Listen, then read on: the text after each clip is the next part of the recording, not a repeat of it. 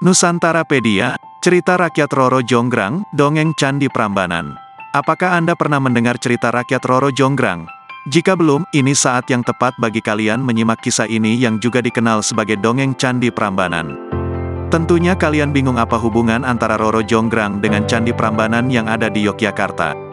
Untuk tahu jawabannya kalian harus membaca kisah ini hingga selesai.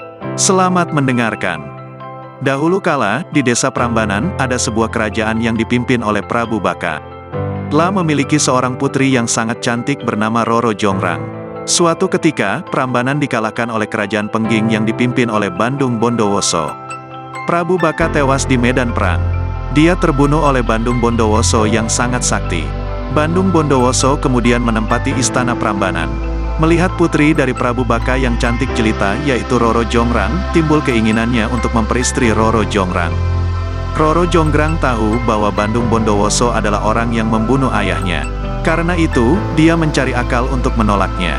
Lalu, ia mengajukan syarat dibuatkan seribu buah candi dan dua buah sumur yang dalam. Semuanya harus selesai dalam semalam.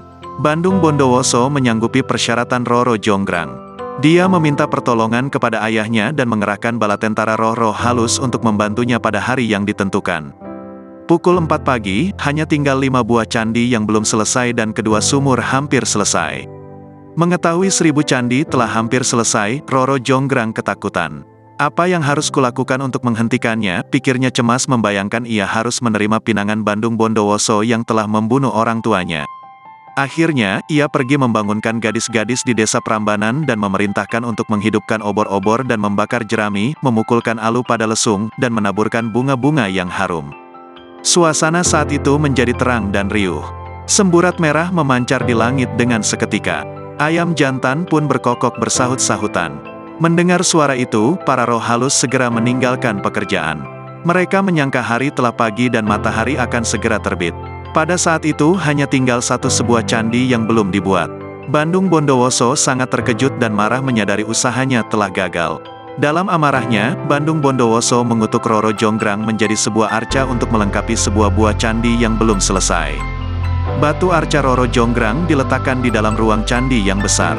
Hingga kini, candi tersebut disebut dengan Candi Roro Jonggrang. Sementara itu, candi-candi di sekitarnya disebut dengan Candi Sewu, Candi Seribu, meskipun jumlahnya belum mencapai seribu.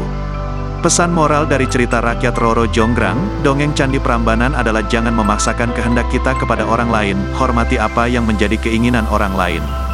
Kita pun tidak akan suka jika dipaksa mengerjakan pekerjaan yang tidak kita sukai.